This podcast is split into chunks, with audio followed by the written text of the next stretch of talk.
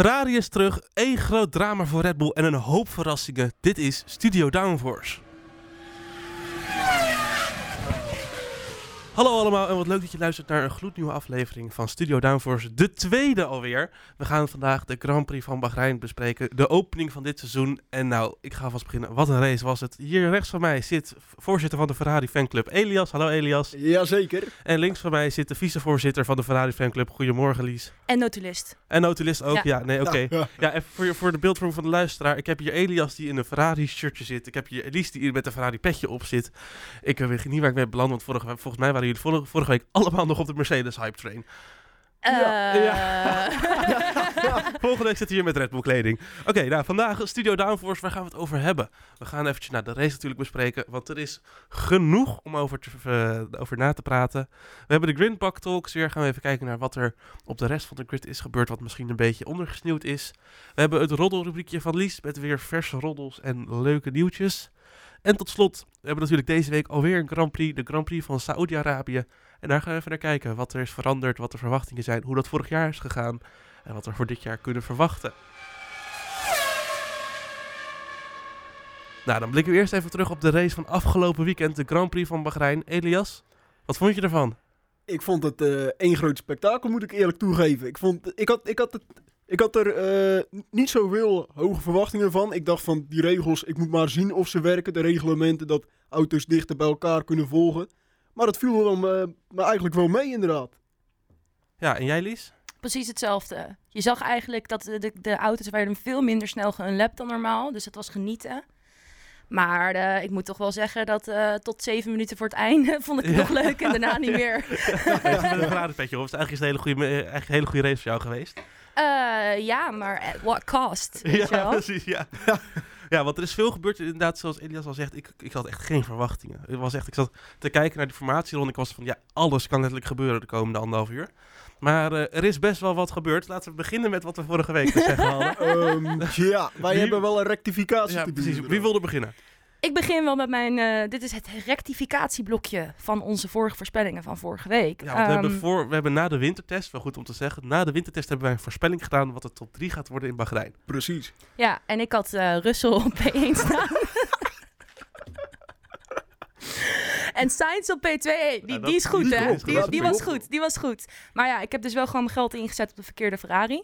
En eh, P3 had ik Max. Dus dat moet ik rectificeren. Oh, en ik wil nog iets rectificeren als we toch bezig zijn. Dat, ja, ik denk, dan gooien we het gelijk allemaal uit, Ja, toch? als je toch bezig bent. Eh, dat ik heb gezegd dat de Alfa Romeo's de slechte auto's van het jaar en je zei, dat als, je zei dat Aston Martin een goede auto was. Ja, dat ook Heb ik dat Ja, nee, een rode kaart voor mij. Nou, dan, kan je wel zien dat, je, dat op de testweek eigenlijk geen touw aan vast te knopen is. Precies. Dus dat was mijn rectificatie. maar ik ben, ik ben niet de enige. Ja, ja, ik had eh, Hamilton op 1. ik had Verstappen op 2. En ik had Leclerc op 3. Nou moet ik zeggen, ik heb Leclerc en Hamilton dan omgedraaid. Nou ja, maar Hamilton kwam eigenlijk gewoon niet in de buurt van de overwinning. Laat staan eigenlijk het podium. Ja, Die kwam dan met puur geluk dat er twee Red Bulls opeens voor hem uitvielen. dat was een cadeautje. Dus een cadeautje inderdaad, want hij stond gewoon op 20 seconden achterstand. Dus ik zat er echt compleet naast eigenlijk. Want op eigen kracht was hij daar nooit gekomen. En Verstappen viel natuurlijk uit. Dus eh, ja, ook namens mij, eh, sorry voor deze voorspelling. Ik zat er compleet naast. En dan gaan we door naar Bram. Ja, nou kijk, tot, 10, tot vijf rondes voor het einde zat ik in principe heel erg goed. Ik had Leclerc op 1, Verstappen op 2. Nou, dat was best mijn derde plek voorspelling. Maar Wil dan ik niet drie. al te lang over hebben. Had ik Schumacher staan. Ik had wel gezegd... ik had wel gezegd, een Haas-scooter, misschien een Magnussen P5. Ik bedoel, het is beter dan zeggen dat Russell de race wint. je, je zit Dat het minst ja. naast van ons allemaal. Ja, daarom. Ja, nee, maar precies. ja. Het, is, het is dat eh Red Bull met problemen was, waardoor eh, dat eh, niet ging zoals verwacht. Maar eh, ik vind wel, ik denk dat de voorspellingen voor aankomend weekend weer heel anders zullen zijn dan wat we voor deze race hebben voorspeld. Ik denk dat ik hem wel ga aanpassen, ja. Ja, dat denk ik ook wel. Maar zoals je al zei, Lies, het is de auto's dit seizoen. ja. Die kunnen elkaar echt goed volgen. je merkt dat ze er ten eerste dichter, dichter op kunnen blijven. Dus ze hebben veel minder last van de vuile lucht.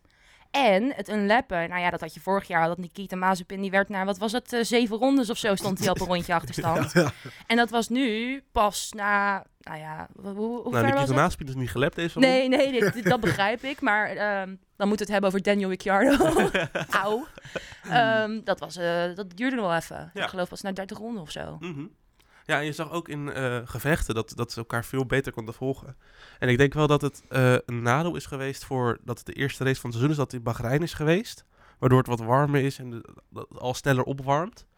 Dus dat het daardoor misschien wat minder hoopvol lijkt dan dat het misschien is.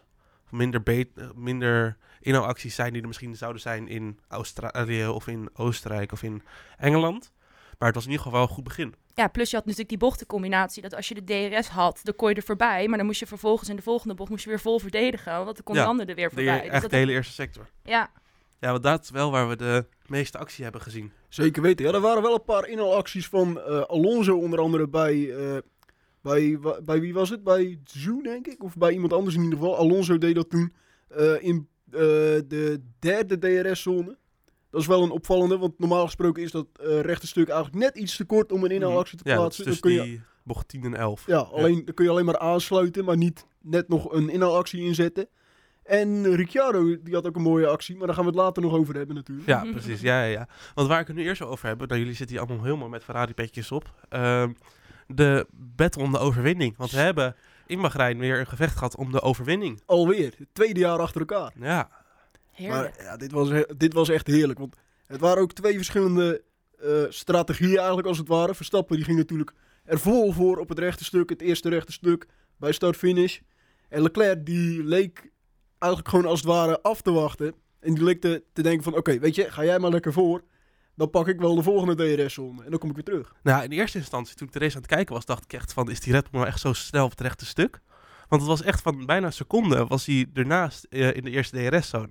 Maar uit data blijkt dus dat gewoon Leclerc, kon je ook zien op zijn onboard, hij heeft had zo'n helmcam bij, eh, Mhm. in zijn helm. Ja. En je kon echt zien dat hij gewoon zeven versnelling bleef rijden. En gewoon aan het wachten was tot Verstappen er voorbij ging in de remzone.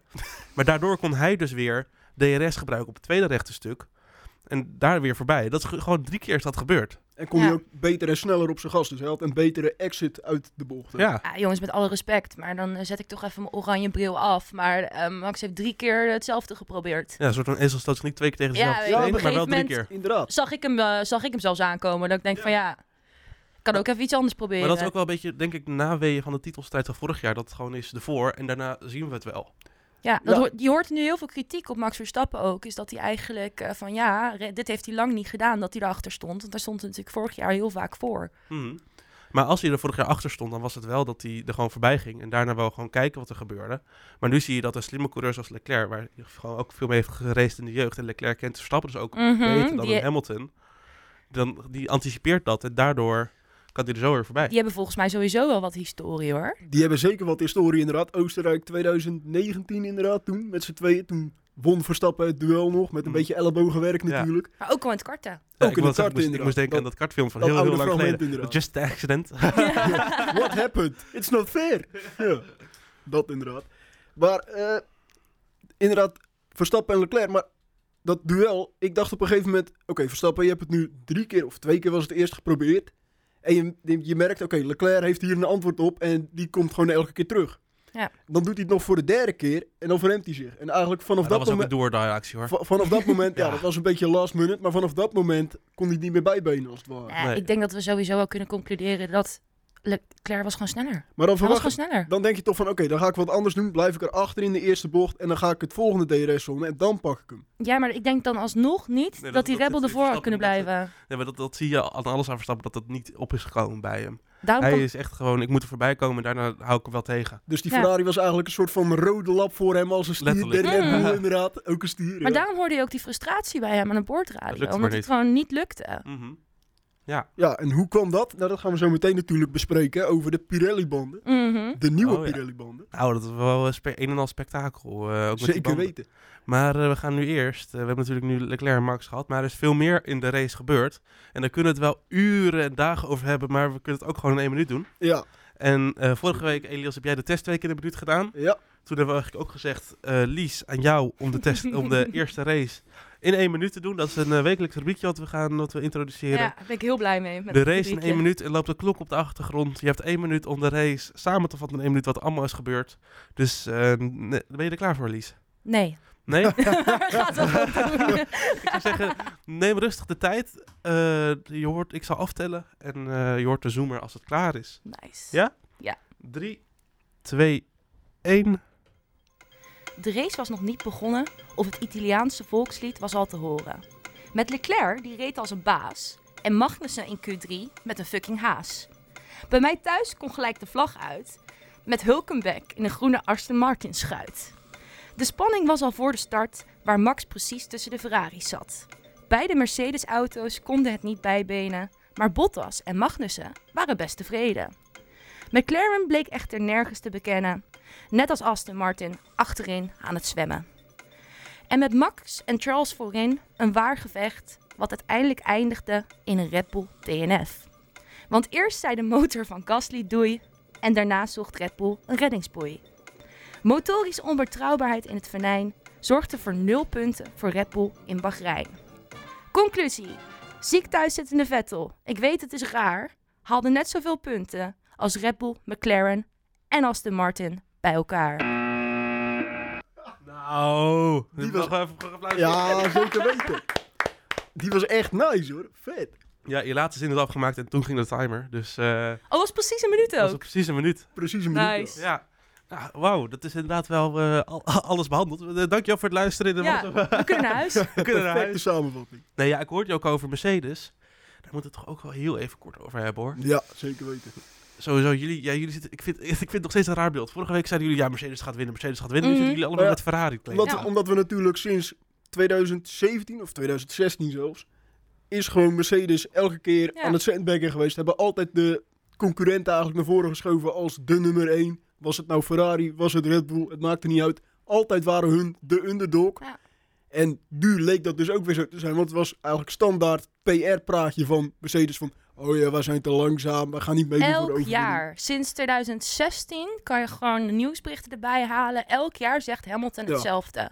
En ik dacht ook, ik denk gewoon naar Q3, dan halen ze nog minstens vijf zandzakken of zo uit die auto. Ja, ja, Maar het gebeurde niet. Heel Zandvoort in die auto. Ja, maar het, maar het gebeurde gewoon niet. Nee. Maar ik wil ze, ik, kijk, weet je, ik vind het ook wel lastig, want ik wil ze ook weer niet te veel afzeiken, aangezien Red Bull eh, nog veel dramatischer bleek te zijn aan het einde.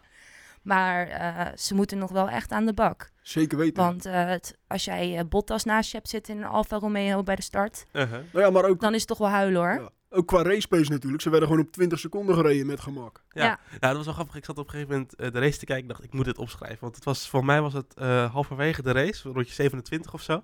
En ik zat te kijken naar de tijdenlijst. En het was gewoon zo dat het gat tussen Hamilton en de top, dus de Ferrari en Red Bull, was groter dan het gat tussen Russell, die achter Mercedes zat, en Magnussen. Gewoon die haas zat gewoon Bizar. dichter bij Mercedes dan Mercedes bij de topteams. Ja, Ja, dat, dat laat ook zien dat ze nog genoeg werk te doen hebben daar bij Mercedes.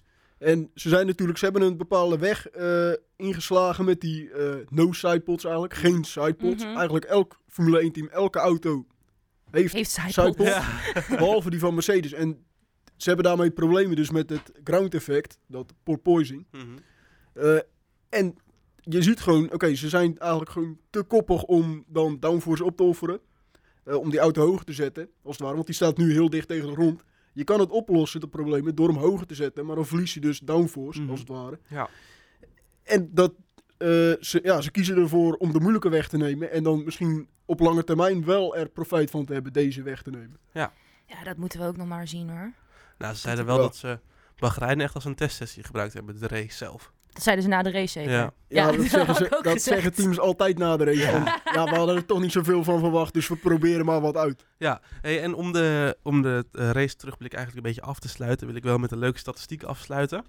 Namelijk dat Hamilton, die is even derde geworden natuurlijk, Mhm. 15 punten. Gratis. 15 graden. Ja. 15 gratis Maar- punten. Nu komt het leuke statistiek. Hij heeft dus nu ook een voorsprong van 15 punten op Verstappen. Want die is Ja. natuurlijk uitgevallen. en dat is dus sinds begin van het 2021 seizoen de grootste voorsprong die Hamilton heeft gehad op Verstappen in het kampioenschap. Dat is het, hele, het hele, de, de hele titelstrijd was de voorsprong op Verstappen nooit groter dan 15 punten.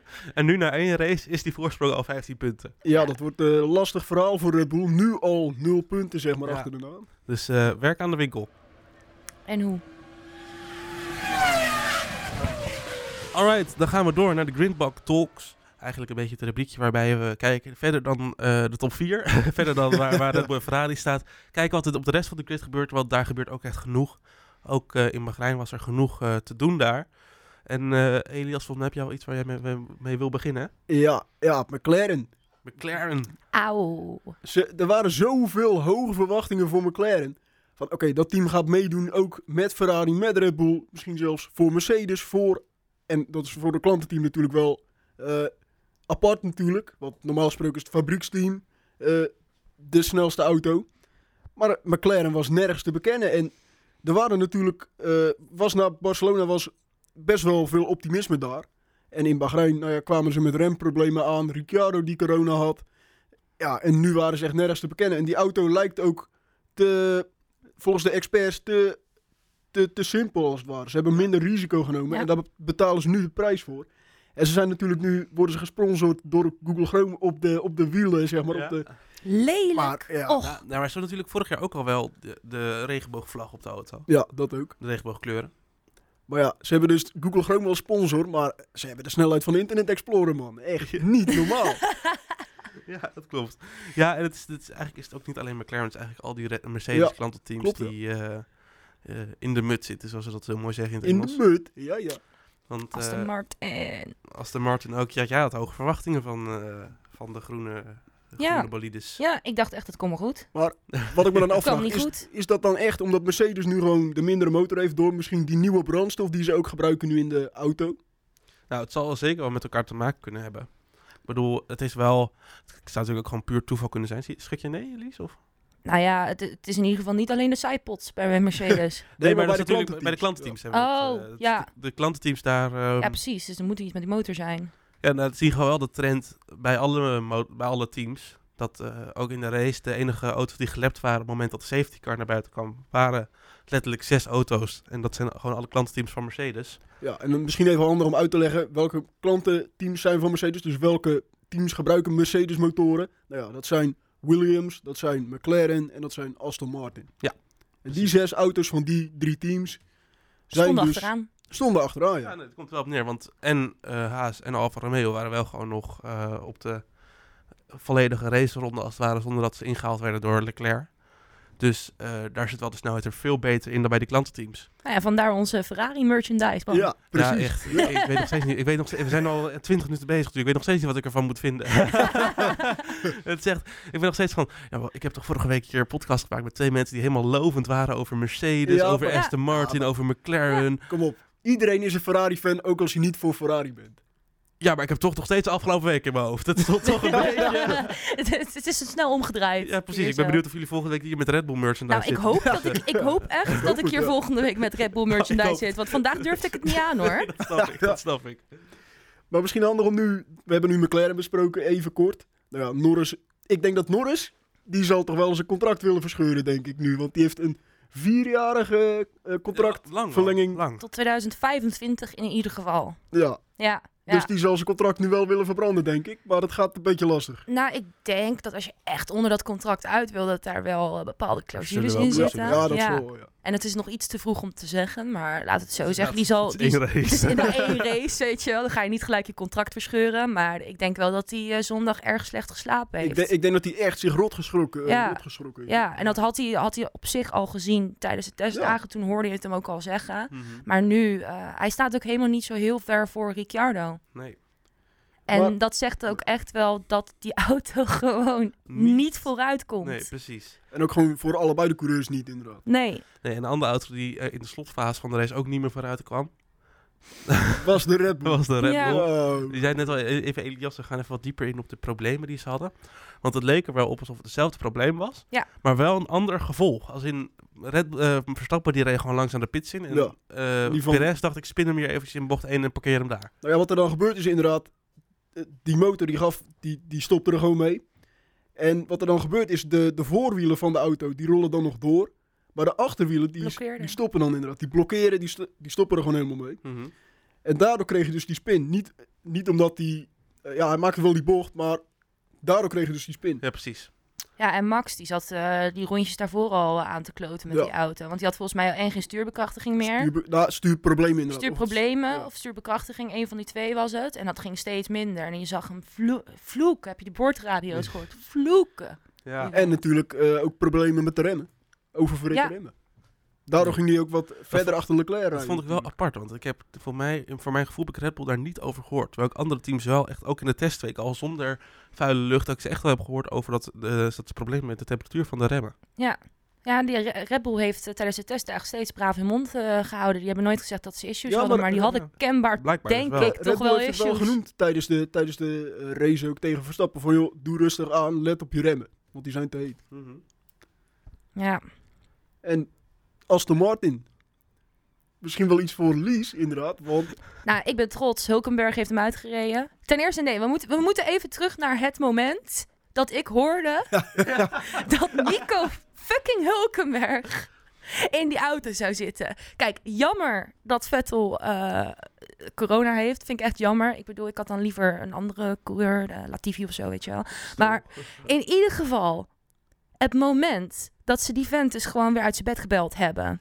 Die zat ergens, eh, waarschijnlijk had hij nog een kater ook. eh, werd hij om 11 uur 's ochtends werd hij gebeld van... Yo, kom even naar Bahrein toe. En die vliegt. En deze meneer is niet fit, hè? Echt, echt nul niet fit. voorbereid erop, inderdaad. Ja, maar echt fit is hij volgens mij. Die heeft de afgelopen twee jaar Die achter een kinderwagen gelopen. Je kan mij niet vertellen dat, dat hij fit is. Die, Die- heeft volgens mij niet echt geraced meer. Nee, maar die heeft, le- die heeft lekker aan het bier gezeten en aan de Precies. bitterballen. De wieners niet zo Precies, de winners niet. Die heeft geno- genoten van het leven. En dan vervolgens krijgt hij twee dagen krijgt hij notice. En hij rijdt hem wel gewoon uit. ja. Ja, Hij rijdt hem wel gewoon En- uit. in de kwalificatie voor Lance Stroll natuurlijk. Dat, ja, maar kijk, weet je jongens, We, Lance weet- Stroll we vind ik, allemaal. Ja. vind ik sowieso een van de grootste pannenkoeken die er op, eh, op het circuit rondrijdt. Ja. Eh, dus dat verbaasde me niet eens zo heel erg. Maar ik moet zeggen, wat is natuurlijk echt wel een paydriver uh, Stroll. Nou ja, P-driver voor het hele team inderdaad. Want zijn vader Ja, heeft nee, het hele team. precies, ja. maar eh, we hebben nu natuurlijk weer een nieuwe paydriver. En die doet het heel goed, vind ik. Die, die heeft me echt verbaasd. Kan je zo. Ja, Yu Zhou Ja, inderdaad. maar die zit ook in een Alfa Romeo die dus blijkbaar best wel goed vooruit komt. De- blijkbaar best wel goed. Kunnen we even terug naar, de, terug naar de ja. uitspraak van vorige week? Oh ja, ja. Nou, daarom zeg ik blijkbaar best wel goed. Nee, Ja. want eh, eerlijk, ehm, als we hier gaan kijken, dan hebben we Valtteri Bottas op P6 in een Alfa Romeo. En eh, dan hebben we. Ja, is het nou zo Guang Yu of Guang Yu zo? Ik heb inderdaad alle commentatoren het hele weekend Ja. Zoek van Jo horen zeggen. Ja, maar vorig jaar was het andersom. ja. Dus Ja. ik ben een beetje confused nu hoe je dit nou... eh, Ja. Zo. daar- we komen erop terug. Volgende aflevering komen we daarop Ja, terug over hoe je zijn naam nou daadwerkelijk uitspreekt.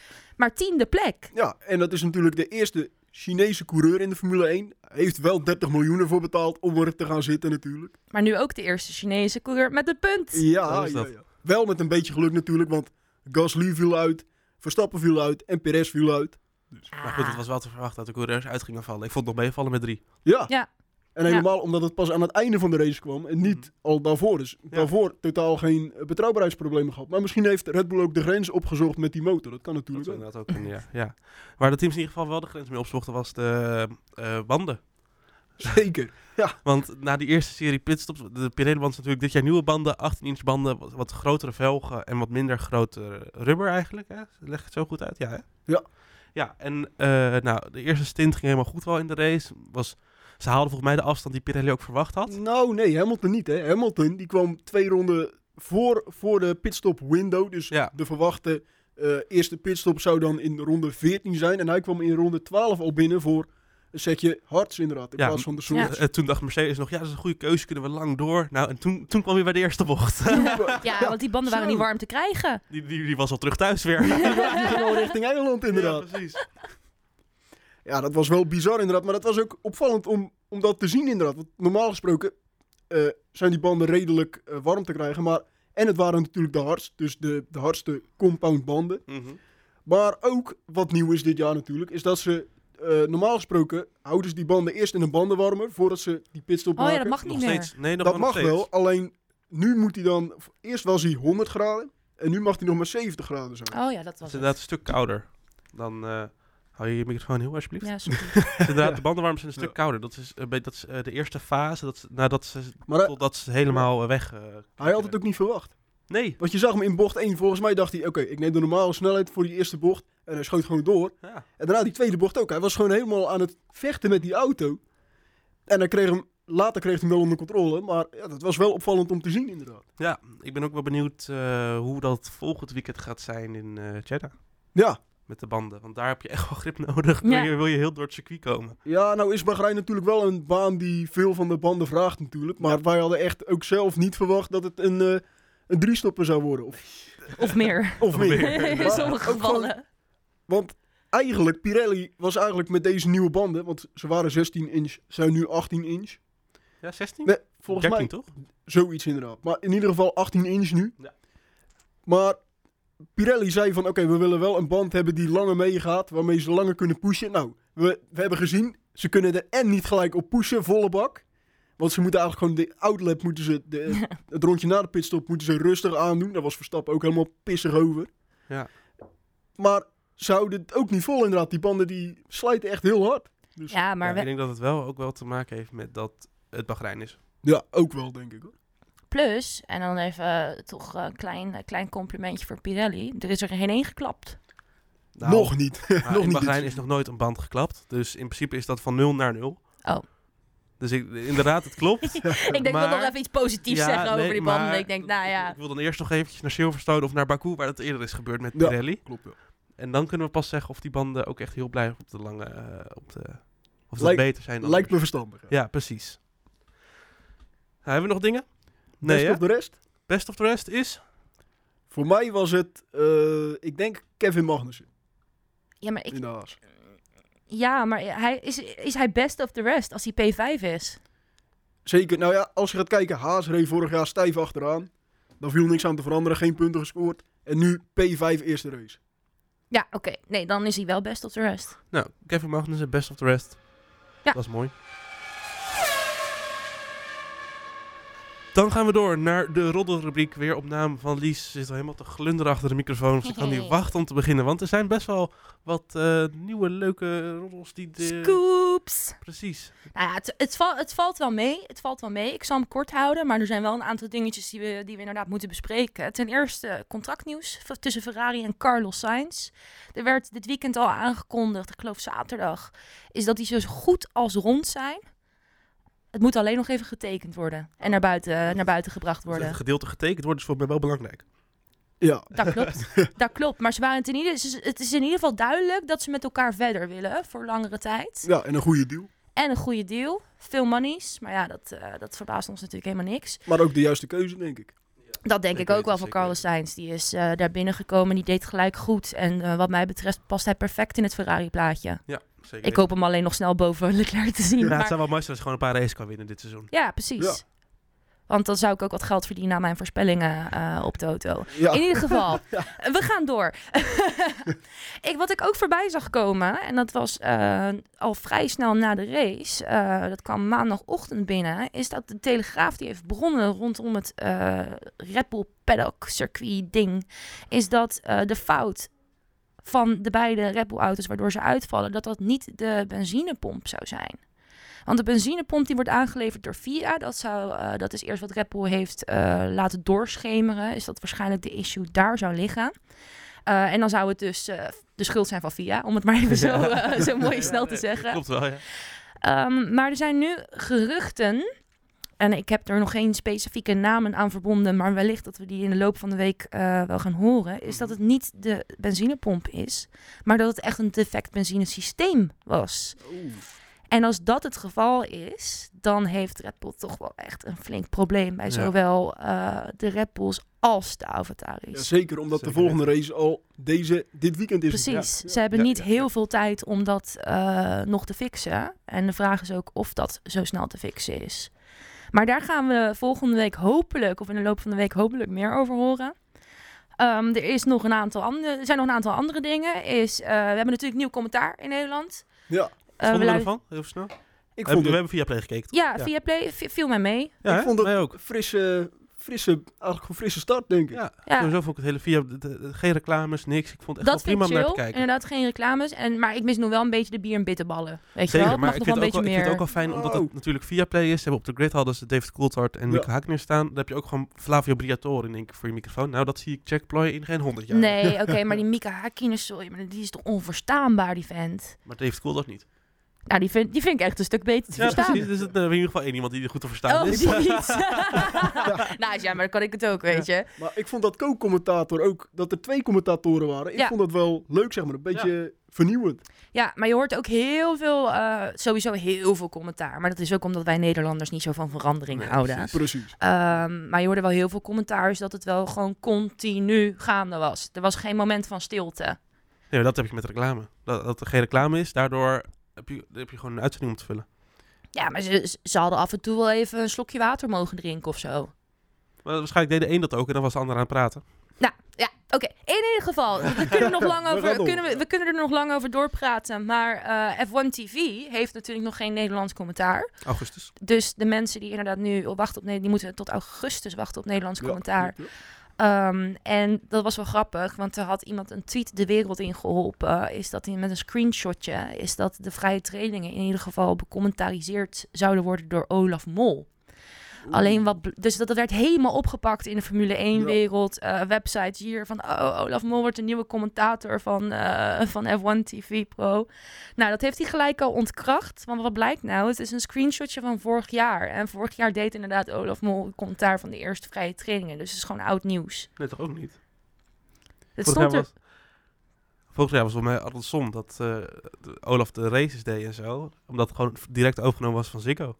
Ik, vond, ik zag de tweet namelijk ook. Ik dacht echt van, nee, maar dit is toch helemaal niet... Ah, dan, dan heeft iemand heel mooi lopen knippen en Ja, plakken. precies. Ik denk, Mooi fake news. Ja. Nee, Ook, maar in ieder geval fake news, helaas. Want ik eh, zelf eh, zou nog wel... eh, ik wil dat de Grand Prix radio nog wel proberen. Alleen dat schijnt er nu best wel uit te liggen de hele tijd. Omdat heel Nederland naar Olaf Mol wil luisteren. Maar we gaan door. Er is er namelijk nog een mooi verhaal. Oh. Nou ja, nee, sorry, ik ben, ik ben weer overhyped. Maar ehm, onze Hulkenberg gaat wel naar Saudi-Arabië. Oeh, Oeh, dus misschien nog wel een race. Dus misschien wordt daar nog wel een race aan vastgeplakt. Kijk, eh, ik ga niet te vroeg juichen natuurlijk. Nee, dat zou ik niet doen. Ehm, maar eh, gisteren eh, was nog niks bekend. Nee, voor mij was het enige wat gisteren bekend was dat Vettel echt nog niet fit is. Precies. Maar als Vettel een beetje fit is, dan wil je toch liever als Aston Martin zijnde een coureur die het circuit kent. Eh, ja, zij waarschijnlijk wel. Maar, Ik vind het helemaal mooi. Ja.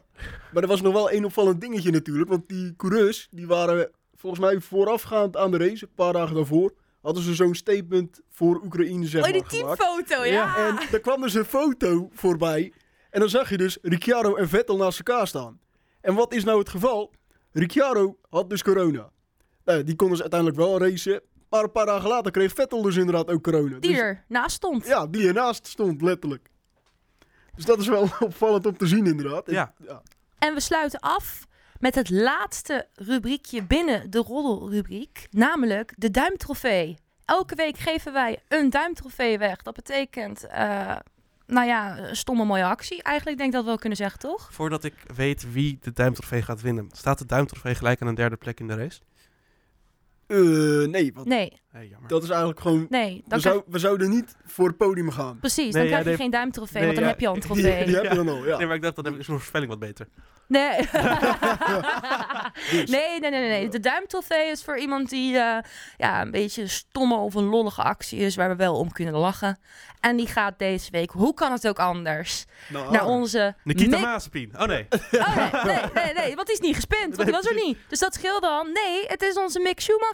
Ja, inderdaad. Want die had een heel mooi spinnetje, 360, het was meer dan 360 Nee, het was graden volgens mij, ja. En de Ja. op het perfecte moment weer terug. En hij kon zo doorrijden. Nou moet ik wel zeggen, ik vind wel dat Ocon wel wat credits mag krijgen, want hij heeft hem wel een beetje geholpen met Hij heeft Ja, credits gekregen, credits die vijf hij kreeg was seconden. Vijf seconden. vijf seconden. Ja. Vijf seconden creditstraf kreeg hij, of eh, Penalty, vijf seconden ja. penalty kreeg hij. Ja, dus de winnaar van de duimtrofee voor de Grand Prix van Bahrein is... Mick Schumacher. Ja, en dan tot slot gaan we even kijken naar de volgende race. Dit weekend al in Saoedi-Arabië, in Jeddah. Vorig jaar waren we daar voor de ene laatste Grand Prix. Dit jaar zijn we daar voor de tweede Grand Prix. Dus eh, nou, wat vonden jullie? Laten we beginnen. Even heel kort, wat vonden jullie van de race van vorig jaar? Er was natuurlijk veel gebeurd vorig jaar. Ik vond het één groot spektakel. Maar wat me nog steeds pijn doet, is wel die, die kwalificatieronde van Max Verstappen in Q3. Laatste bocht en hij parkeert hem in de muur. Het was zo'n goede ronde, echt. Ik heb bijna geen, geen nooit zo'n goede kwalificatieronde gezien van iemand. En dan verpest hij het in de laatste bocht. En Ja. dat was zo... zo nou, dit was geen drama, maar het was wel... Een drama. Dat was wel een drama. Je kan, gerust- drama. je kan gerust zeggen dat het een Je drama mag was. zeggen dat het een drama was, ja. Ja, en jij, eh, Lies, wat vond je van de race van vorig jaar?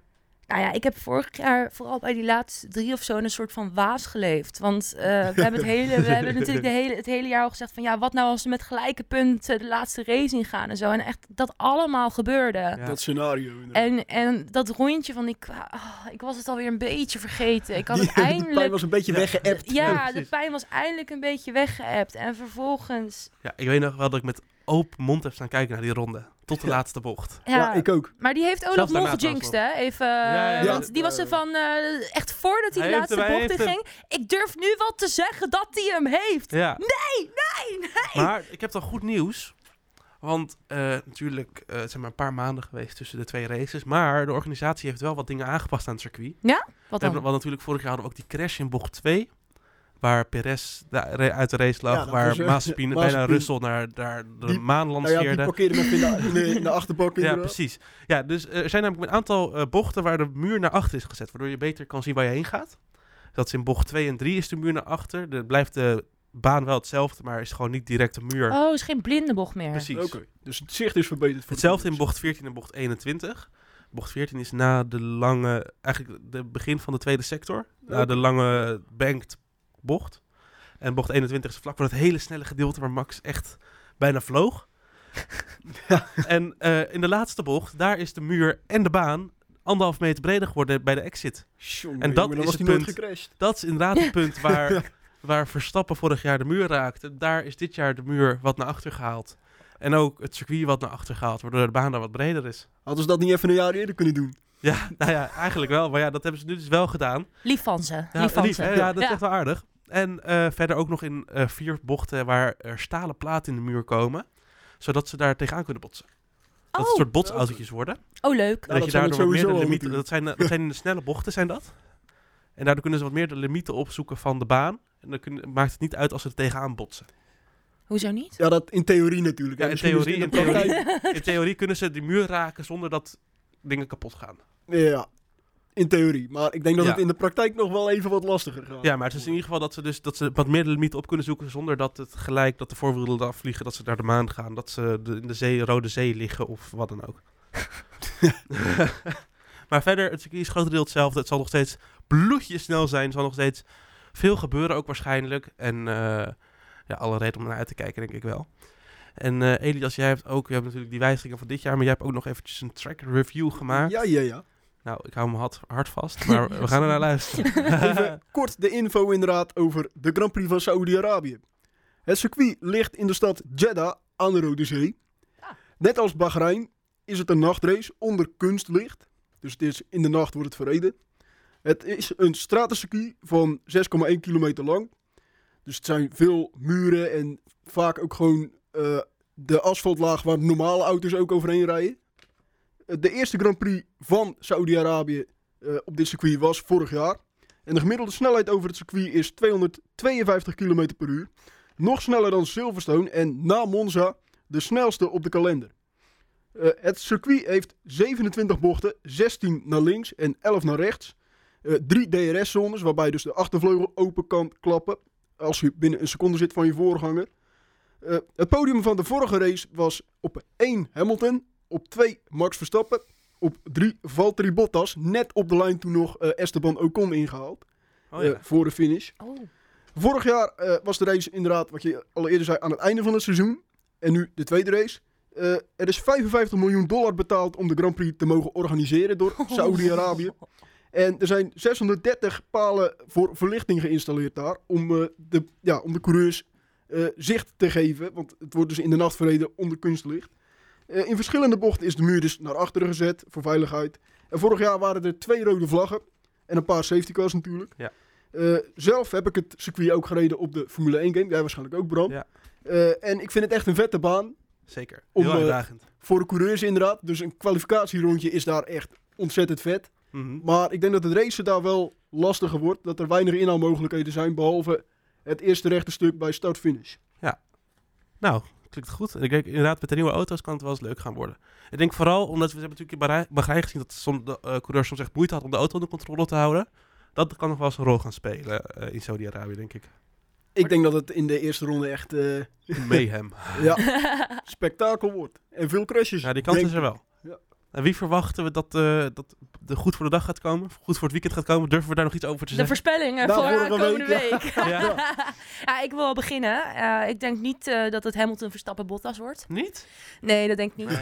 Ehm, ik ga weer Sainz op één zetten, want ik heb nog steeds vertrouwen in die. Je gaat net Nog zo lang doen als hij een keer Ik ga het net de zo lang doen totdat ik mijn geld ja. terugverdien. Eh, ik ga weer Sainz... Nee, Sainz eh, gaat winnen van Leclerc. Sainz P1, Max Verstappen P2 en... En ik ik durf het bijna niet te zeggen, maar ik ga Magnussen gewoon op P3 gooien. Ik heb je aangestoken. ja, ik ga het En wil je nog voor de kwalificatie een voorspelling doen?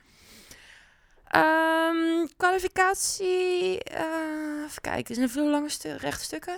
Ja, wel. Snel inderdaad. Snel. Ja, Heel snel. ja, ja. Eh, dan geef ik hem toch... Ja, nee, ik geef hem aan Max. Oké. Ja? Ja. En de 2 en 3? Eh, Leclerc, eh Russell. Oh, interessant. Ja, Elias, top 3. Eerste kwalificatie, daarna top 3 voor de race.